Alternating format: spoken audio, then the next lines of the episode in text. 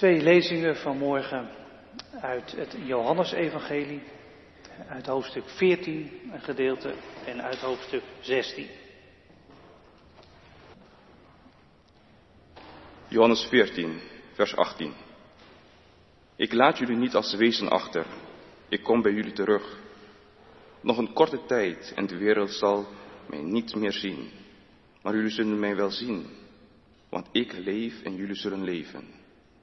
Dan op die dag zul je begrijpen dat ik in mijn Vader ben, dat jullie in mij zijn en dat ik in jullie ben. Wie mijn geboden kent en zich eraan houdt, heeft mij lief. Wie mij lief heeft, zal de liefde van mijn Vader en mij ontvangen. En ik zal mij aan mijn hem bekendmaken. Johannes 16, vers 16. Nog een korte tijd en jullie zien me niet meer. Maar kort daarna zien jullie me terug. Daarop zeiden een paar leerlingen tegen elkaar. Wat betekent wat hij nu zegt? Nog een korte tijd en jullie zien me niet meer. Maar kort daarna zien jullie me terug. En ga ik naar de Vader? Wat betekent nog een korte tijd? Wat bedoelt hij toch? Jezus begreep dat ze iets hem wilde vragen. Hij zei, probeer jullie toch te begrijpen wat ik bedoelde met nog een korte tijd. En jullie zien me niet meer, maar kort daarna zien jullie me terug. Waarachtig, ik verzeker jullie. Je zult huilen en weeklagen, terwijl de wereld blij zal zijn. Je zult bedroefd zijn, maar je verdriet zal in vreugde veranderen. Ook een vrouw die baart heeft het zwaar als haar tijd gekomen is. Maar wanneer haar kind geboren is, herinnert ze zich de pijn niet meer. Omdat ze blij is dat er een mens ter wereld is gekomen. Jullie hebben nu verdriet, maar ik zal jullie terugzien. En dan zul je blij zijn en niemand zal je vreugde afnemen. Dan op die dag hoeven jullie mij niets meer te vragen. Maar ik verzeker jullie, wat je de Vader ook vraagt in mijn naam, hij zal je het geven. Tot nu toe hebben jullie niets in mijn naam gevraagd, maar vraag het en je zult het ontvangen. Dan zal je de vreugde volmaakt zijn. Ik heb jullie dit alles in beelden verteld, maar er komt een tijd dat ik niet meer in beelden spreek, maar jullie zonder omwegen over de Vader vertel. Als je dan op die dag iets vraagt in mijn naam, hoef ik het niet meer namens jullie aan mijn Vader te vragen. Want de Vader zelf heeft jullie lief, omdat jullie mij lief hebben en geloven dat ik van God ben gekomen. Ik ben bij de Vader vandaan gegaan en naar de wereld gekomen. Nu verlaat ik de wereld weer en ga terug naar de Vader. Dit is het woord van God. De tekst waar ik bij wil stilstaan is vers 23, 24 uit Johannes 16, 23 en 24. Dan, zo staat in de NBV, ik heb gevraagd aan Mark of hij op die dag erbij wil lezen, want dat staat er eigenlijk in het Grieks. Dan op die dag hoeven jullie mij niets meer te vragen. Maar ik verzeker jullie, wat je de Vader ook vraagt in mijn naam, hij zal het je geven. Tot nu toe hebben jullie niets in mijn naam gevraagd, maar vraag het en je zult het ontvangen. Dan zal je vreugde volmaakt zijn. Gemeente van Jezus Christus, broeders en zusters, vandaag gaat het dus over vragen. Vragen stellen aan God, vragen stellen aan Jezus. Weet eigenlijk niet of je dat gewend bent om te doen. Met je vragen die je hebt naar Jezus te gaan, naar God te gaan. Heb je iets te vragen aan Jezus? Misschien betwijfel je wel of je daar met je vragen terecht kunt. dat kan natuurlijk ook. Vragen. Die tekst gaat over vragen. Op het eerste gezicht lijkt het een beetje tegenstrijdig wat Jezus zegt. Eerst zegt hij, dan op die dag hoef je niets meer te vragen. En dan direct daarna, wat je de Vader ook vraagt in mijn naam, dat zal Hij je geven. Wel vragen, niet vragen, wat bedoelt Jezus? Jezus heeft het over twee manieren van vragen. Vragen stellen en in gebed om iets vragen. Dat kun je zien in het Grieks waarin Johannes schrijft. Er worden twee verschillende woorden gebruikt. Het eerste woord voor vragen, dat gebruikt Johannes bij de leerlingen altijd voor het vragen stellen. Als Jezus zegt, dan op die dag zul je geen vragen meer stellen. En het andere woord voor vragen, dat gebruikt Johannes altijd bij de leerlingen voor bidden. Als je de Vader bidt in mijn naam, zal Hij het je geven. Dus Jezus zegt, dan zul je geen vragen meer aan mij stellen, maar voorwaar ik zeg je, wat je de Vader in gebed vraagt, dat zal Hij je geven. Dus vragen stellen en bidden. En laten wij eerst dus eventjes stilstaan bij dat vragen stellen.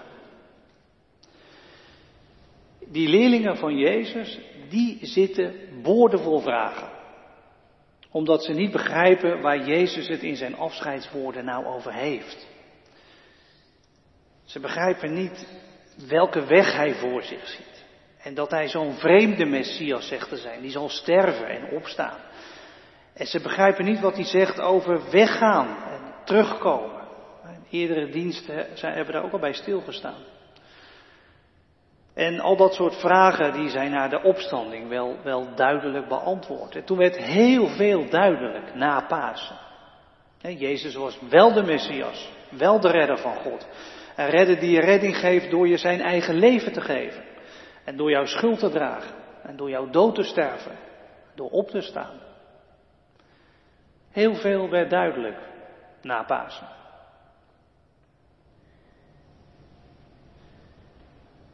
Toch heb ik zelf nog wel heel wat vragen. Ook vragen voor Jezus. Jij misschien ook wel. Vragen waarom dingen in de wereld gebeuren. En in mijn eigen leven en in de levens van mensen die ik ken en van wie ik houd.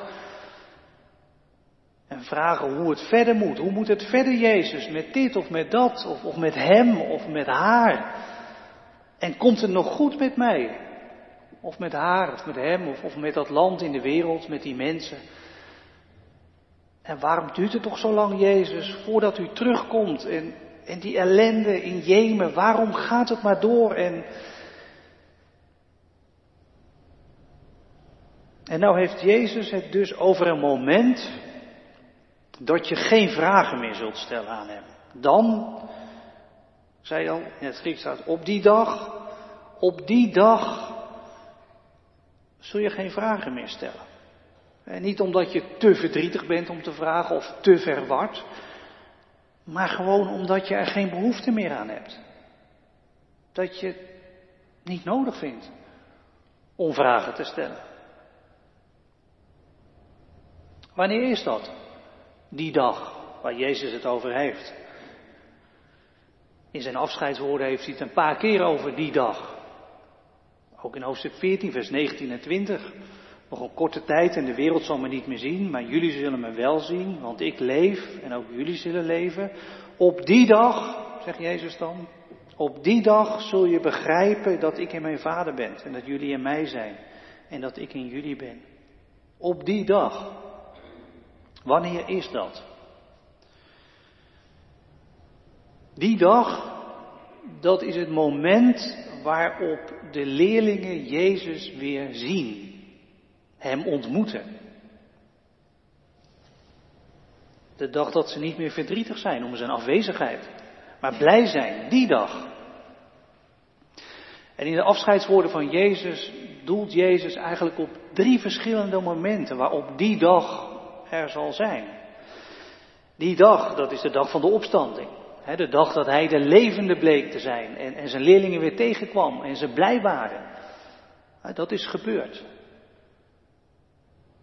En die dag, dat zal ook zijn op de dag dat Jezus terugkomt. En alle tranen van je ogen zal afwissen. En dan zul je weten en begrijpen en, en geen vragen meer hoeven te stellen. En dat, dat moet nog gebeuren. Maar die dag, kan ook nu zijn. Vandaag. In het tijdperk van de opgestane Heer, het tijdperk van de geest die met Pinksteren komt en gekomen is. Vandaag kan ook die dag aanbreken dat je geen vragen meer hoeft te stellen. En, en waar, waarom dan niet? Ehm, omdat je dan de dingen begrijpt.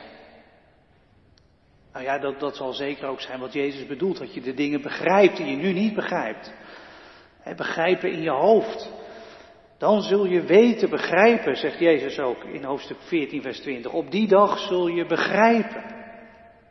De leerlingen begrijpen dingen op dit moment niet, die ze na de opstanding wel begrijpen. En, en begrijpen met je hoofd, dat, dat kan ook wel rust brengen van binnen. Misschien heb jij dat ook wel. Het kan helpen om dingen te accepteren. Soms is het ook echt iets wat je heel graag wil. Begrijpen waarom. Dat heb ik wel in elk geval. Ik wil ook altijd graag begrijpen. Waarom dingen gebeuren en, en waarom dingen werken zoals ze werken. En ja, juist daarover heb jij misschien ook wel een hele serie vragen aan Jezus. Begrijpen. Maar ik, ik denk dat er meer is. Ik, ik denk dat er ook een, een hele andere reden is, kan zijn, waarom je geen behoefte meer zult hebben om vragen te stellen op die dag, op dat moment. En de reden om geen vragen meer te hoeven stellen, dat is de reden van de ontmoeting. Het, eenvoudige feit dat Hij er is. En jij, Jezus en jij, samen. Wij en Jezus. Op, op dat moment, op die dag, dan zul je begrijpen, zegt Jezus. Maar, maar dat begrijpen, dat, dat gaat niet alleen over je hoofd, dat gaat eigenlijk vooral over je hart. Het, het weten en het begrijpen van het ervaren. Het diep van binnen weten dat het gewoon goed is, omdat Jezus er is. In Johannes 14, vers 20 legt Jezus dat op een hele bijzondere manier uit. We hebben dat ook gelezen. Jezus zegt op die dag, op dat moment, zul je weten, begrijpen, ervaren dat Jezus in de Vader is.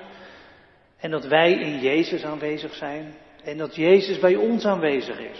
In ons. Een soort wederzijds bewonen. Jezus in de Vader. En wij in Jezus. En Jezus in ons een, wederzijds bewonen, zo'n zo'n soort ontmoeting. En, en ja, dan heb je geen behoefte meer om vragen te stellen. Dat is iets mystieks, iets ongrijpbaars, dat Jezus in jou aanwezig is en jij in Jezus bent en dat de Vader in jou is. Een mystieke liefde. Je, je houdt van Jezus en, en Hij heeft jou lief. En jij hebt de Vader lief en Hij heeft jou lief. Weet je, dat soort momenten had je niet alleen op die paasmorgen. Toen, toen die vrouwen Jezus konden vastgrijpen en, en Hij er was. En, en dat moment heb je ook niet alleen maar na je leven, aan het eind van de tijd, als Jezus terugkomt. Het kan ook vandaag. Midden in de tijd. Dat hij er opeens is en dat het dan goed is. En weet je, elk mens die, die ervaart dat weer op zijn eigen manier. Dat, dat jij en Jezus in liefde bij elkaar zijn. Ik weet niet, heb jij momenten waar, waar je dan aan denkt als ik het daarover heb? Dat je dat meemaakte? Dat, in een stil moment Gods aanwezigheid je als het ware even overviel en eventjes vulde, raakte. Als een hand op je schouder of een hand die de tranen van je ogen wiste. Of, of een moment eh, op de fiets buiten als je die regenboog ziet. Of als je buiten de stad ergens aan het wandelen bent en je hoort een leverik hoog in de lucht. Dat je het opeens weet, hij is er. En het is goed. Of in de trein met je oortjes in, luisterend naar een goed nummer. Of in een kerkdienst toen het licht door de ramen op jou viel. Of toen er een woord van God bij jou binnenviel. En toen die keer dat je met je schuld en je mislukken naar Jezus ging en je het bij Hem kon laten. achterlaten en met een nieuw begin verder ging. Dat soort dingen. Dat je samen bent en dat het gewoon goed is. En misschien dat je dan nog steeds dingen niet begrijpt, maar het is niet meer nodig om er vragen over te stellen, want Hij is er.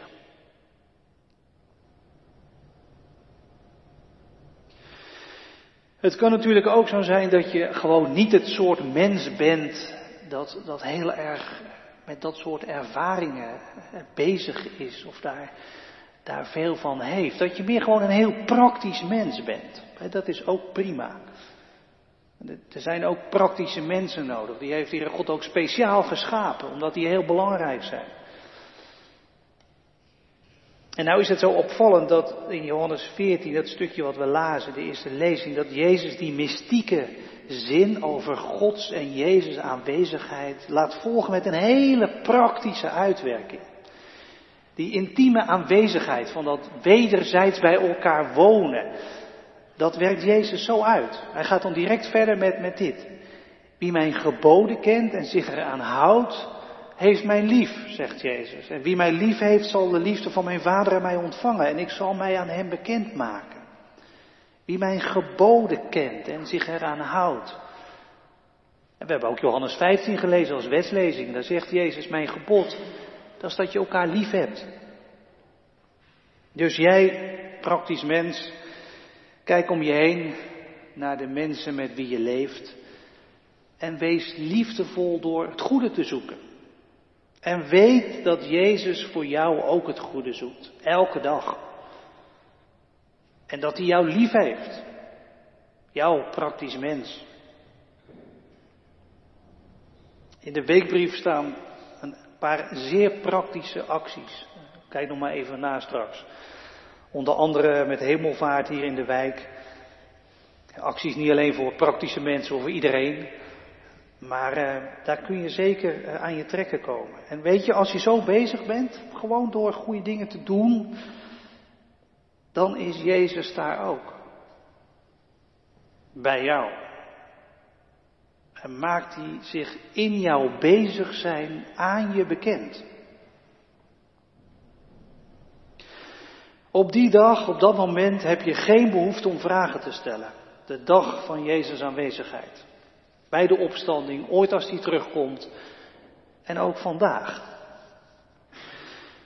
Maar ja, vandaag, dat, dat zul je zeker met me eens zijn. Vandaag zijn die momenten van Jezus aanwezigheid geen, geen ongebroken aanwezigheid. Zeker niet. Jezus zegt wel dat die blijdschap van zijn aanwezigheid door niemand kan worden afgenomen in hoofdstuk 16. En, en, en tuurlijk, er komt een dag dat dat ontegenzeggelijk waar zal zijn. En, en het zal ook zo zijn dat niemand die blijdschap definitief van je kan afnemen. Dat het weer terugkomt als je het kwijt bent. Maar je kunt het wel kwijt zijn, toch? Een korte tijd of een langere tijd. En dat dan ook die vragen die je met je meedraagt juist weer opkomen bij je. Waarom? Hoe kan het dat? Wat, wat moet je dan doen in zo'n gebroken moment? Ja, daar, daar zegt Jezus dus ook iets over. Hij, zegt, er is een moment, eh, op die dag, dan, dan heb je geen behoefte meer om vragen te stellen, dan, dan verdwijnen de vragen in de liefdevolle aanwezigheid van Jezus. Maar Jezus heeft het ook over dat andere vragen. In gebed. Als je het kwijt bent, de aanwezigheid van Jezus, en in een nu zit van, van verwijdering en afstand en vragen, dan moet je bidden. Ik verzeker je, zegt Jezus, amen, amen, staat er eigenlijk. Ik verzeker je, zegt Jezus, wat je de Vader ook zult vragen in mijn naam, hij zal het je geven. Want ook de momenten waarop Jezus voor je gevoel ver weg is en waarop God verdwenen is, ook die momenten staan niet ver van die dag dat Jezus er toch weer is. Want Jezus is niet ver. En de Vader is niet ver. Je kunt de Vader zelf bidden. Jezus zegt, dat hoef ik niet eens meer voor je te doen. Dat kun je zelf doen. En als je dan bidt in Jezus' naam, dan treed je in de aanwezigheid van de Vader. En dan gaat het moment van afwezigheid waarin je zit toch richting die dag dat Hij er is. Op die dag zul je de Vader in mijn naam bidden, zegt Jezus. Blijf bidden. In het licht, in het donker. Want elke dag vandaag is niet ver van de dag van Jezus aanwezigheid. Bid in mijn naam, zegt Jezus, en de Vader zal het je geven.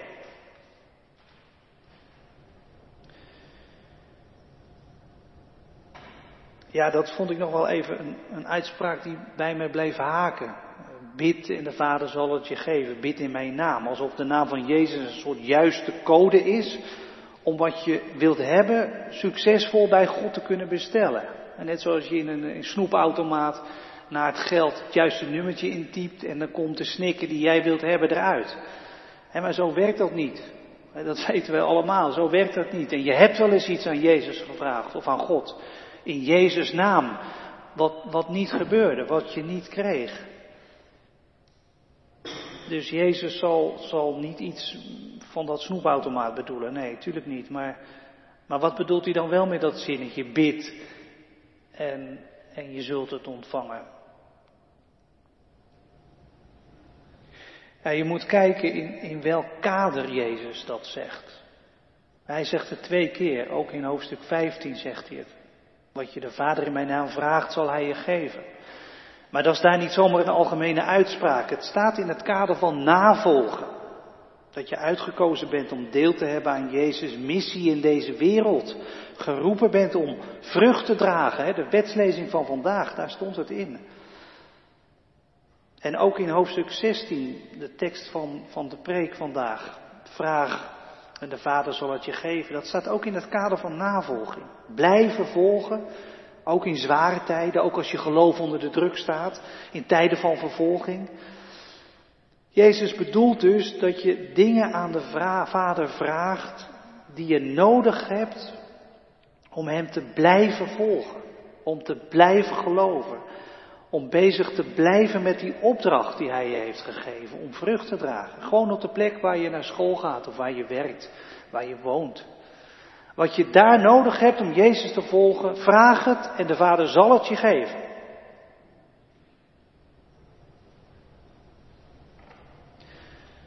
Mag je het ook uh, wat breder trekken? Dat, dat vragen in gebed aan God. Breder naar, naar ander verdriet, naar andere zorgen. Ja, tuurlijk. Die mag je ook bij God brengen. Dat moet je ook doen. Breng dat ook bij God in Jezus' naam. God zal je geven wat nodig is om het vol te houden. Want dat bidden, dat andere vragen, dat bidden, dat brengt je bij die dag van Jezus aanwezigheid. Bij het moment van Jezus aanwezigheid. Bidden is ook heel vaak een overgang. Van, van de afwezigheid die je ervaart naar de aanwezigheid. Zodat het opeens weer die dag is. De dag waarop je geen vragen meer hoeft te stellen, omdat het goed is moment van blijdschap, van ontmoeting met Hem. Bidden kan je daar zomaar brengen. En als het toch niet licht wordt en het donker te donker blijft en de angst te diep en het verdriet te groot en de zorgen te hoog, blijf bidden. Alleen, samen met anderen, met mensen om je heen. Blijf bidden. Blijf hopen op Jezus, want het donker zal voorbij gaan. En er komt een morgen. En dat kan vandaag zijn of, of, of, of een dag later, maar er komt een morgen. Het donker zal voorbij gaan. En ooit, ooit komt er een dag dat de hemel openbreekt en de doden zullen opstaan. Ooit komt er een dag dat Jezus terugkomt op een wolk en dat Hij je aankijkt met ogen stralend als de zon. Die dag komt. Amen.